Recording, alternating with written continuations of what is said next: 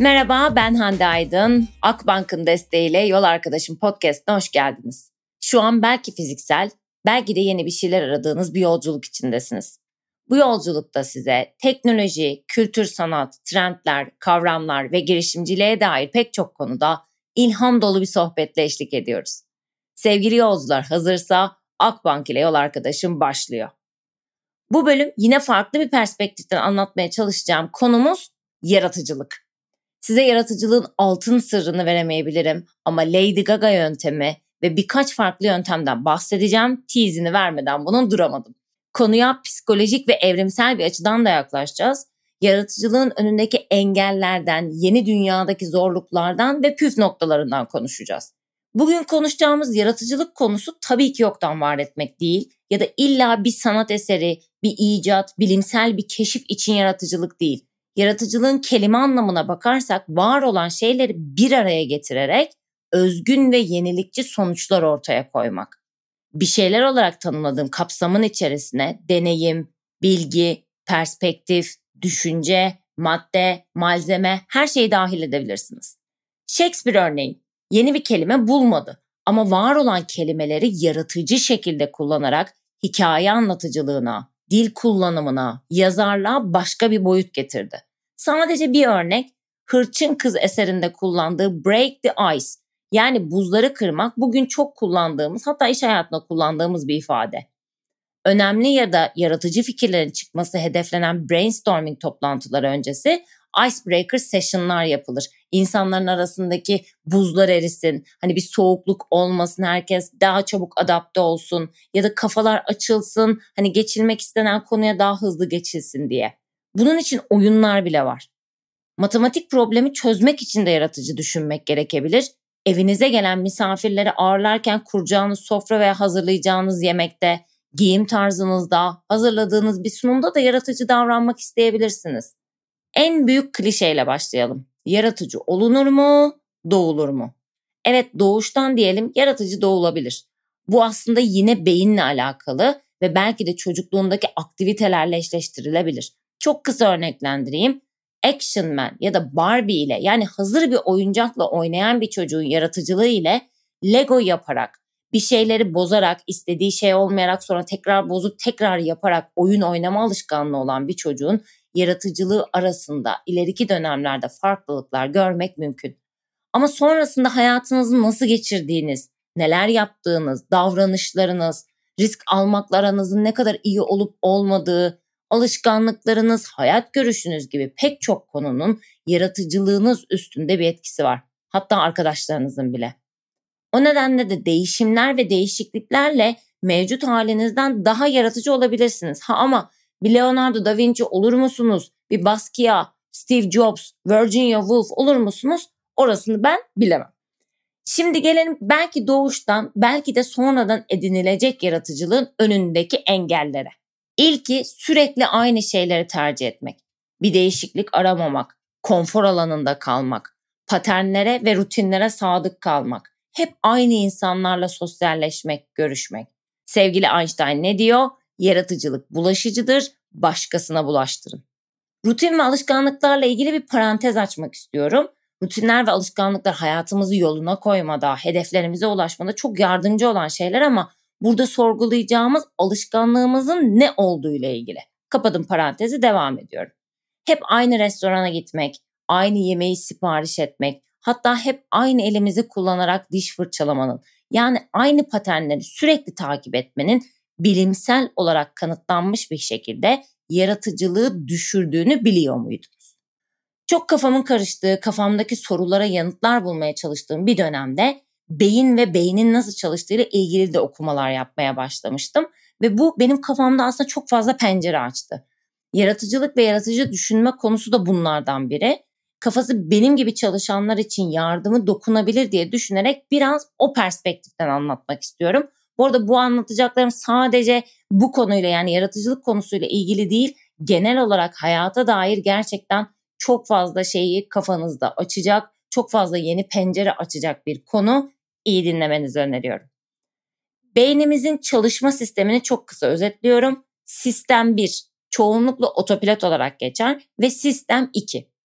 Günlük kararlarımızın, davranışlarımızın çoğu sistem bir tarafından düzenlenir. Sistem bir zamanla oluşan farklı filtreler sayesinde bizim hızlı bir şekilde yani otopilotta karar vermemizi sağlar. Menüden hangi yemeği sipariş edeceğimizden tutun da okuduğumuz bir habere vereceğimiz tepkiye, o gün ne giyeceğimize, bir şeyi sevip sevmediğimiz, beğenip beğenmediğimize kadar. Sistem 2 ise mantıkla hareket eden bölümdür. İrdeler, düşünür, şüphe eder, sorgular ve sonrasında bir karara varır ve eyleme geçer. Bu süreci her eylem ve karar anında çalıştırabilmemiz mümkün değil. Çünkü çok yüksek miktarda enerji gerektiriyor. Sistem 2 beyindeki frontal lob ile alakalı ve beynin içerisinde milyonlarca bağlantı var. Sürekli aynı davranışları tekrar etmek bazı bağlantıların kaybolmasına bir nevi körelmesine sebep olur. Bu da yaratıcılığı tabiri caizse öldürür. Peki bunun için ne yapacağız? Haftada bir gün her zaman kullandığınız değil de diğer elinizle diş fırçalamak bile bazı bağlantıların tekrar canlanmasına neden olabilir.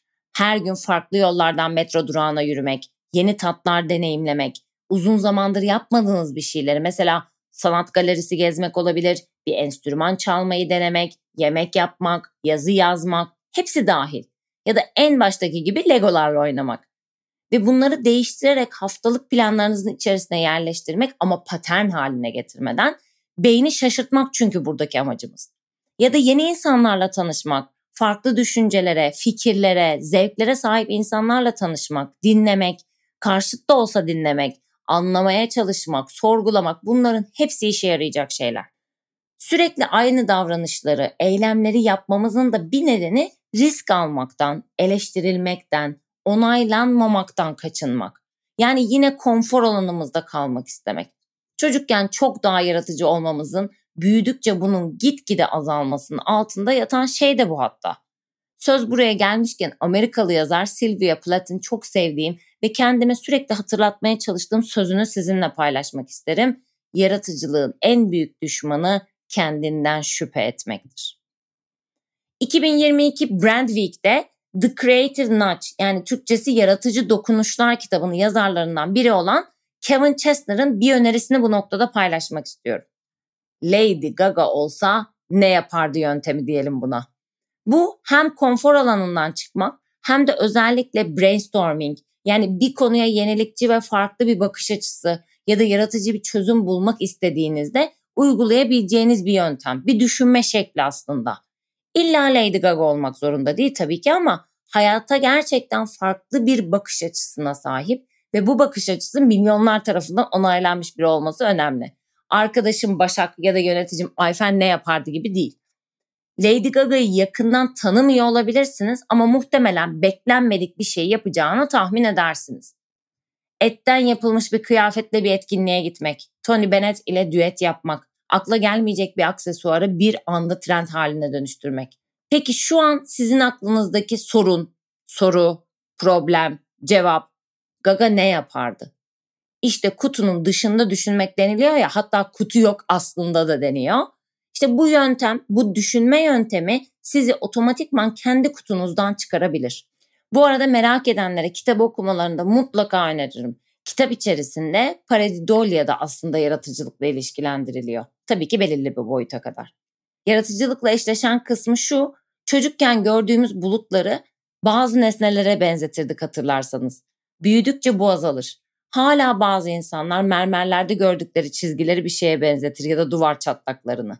Paradidolia bu anlama geliyor. Yani aslında bir yanlış algılama ama aynı zamanda yaratıcılık göstergesi. Hem çocukluğumuzu hem de bu konuya ilişkin dünyanın en çok sevilen kitabından örnek vermek isterim. Küçük Prens'ten tabii ki. Herkesin bir şapka olarak betimlediği nesneyi Küçük Prens fil yiyen bir boğa yılanı olarak tasvirler. Yaratıcılığı körelten başka bir konu da rutinler.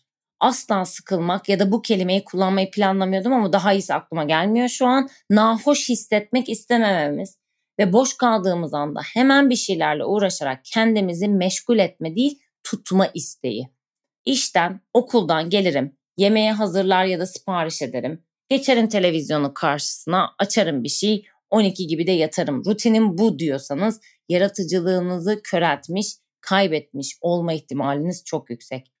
Netflix'in CEO'su en büyük iki rakibini şöyle açıklar. Bir, sosyal medya. iki uyku. Çarpıcı değil mi?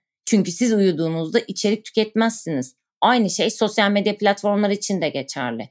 Etrafımızdaki çeşitlilik ve sürekli olarak hoşnut olmaya arzulayan bir yanımız var. Sıkılmak istemiyoruz. Bildiğimiz bayağı canımızın sıkılması. Kendimizi hatta zihnimize oyalayacak bir şey bulamamaktan korkuyoruz. Hayat zor zaten hani bir eğlencemiz var dediğinizi biliyor ve size yüzde yüz katılıyorum. Boş oturmanın düşüncesine bile katlanamayan insanlar var ki ben de bir zamanlar böyleydim.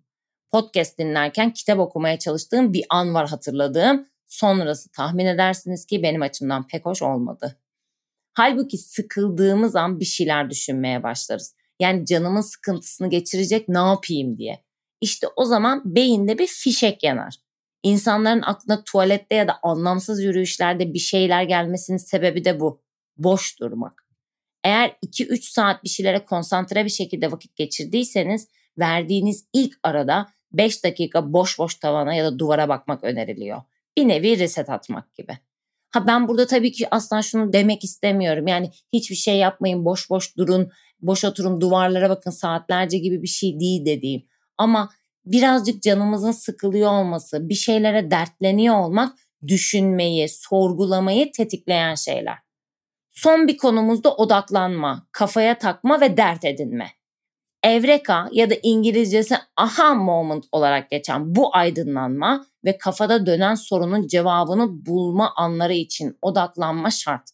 Yani yaratıcı bir çözüm bulmak aslında. Çünkü kafamıza bir şey taktığımızda onunla ilgili kafa patlattığımızda aradığımız cevap problemin çözümü aslında onu hiç düşünmediğimiz anlarda aklımıza geliyor değil mi? Bin kere yaşamışsınızdır sizde.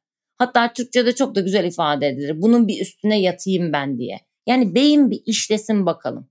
Çünkü beyin bunu işler. Arka planda çalışır, arşivlere dalar, bağlantıları kurar ve o cevap aklınızda belirir.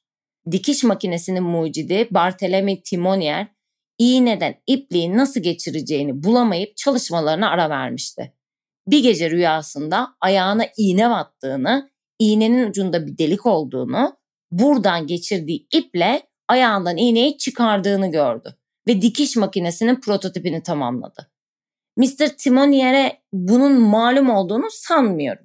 Benim düşüncem bu ilhamın beyninin içinin bu sorunla dolu olması ve sistem 2'nin bu soruna bir cevap bulmak için geri planda işlemesiyle geldiği yönünde.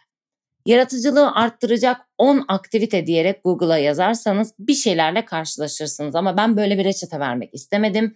Bu konuştuklarımızı kafamızda evirip çevirirken nerelerde farklılıklar yaparak beynimizdeki o bağlantıları aktifleştirebiliriz'e beraber bakalım istedim. Yolculuğunuzda size eşlik etmek büyük keyifti. Umarım sizin için de böyledir. Akbank'ın desteğiyle yol arkadaşlığımız devam edecek. Yeni bölümlerden anında haberdar olmak için kanalımızı takip etmeyi unutmayın. Bir sonraki bölümde görüşene kadar tüm yolculuklarınızda neşe ve merakla kalın. En güzel günler. Görüşmek üzere.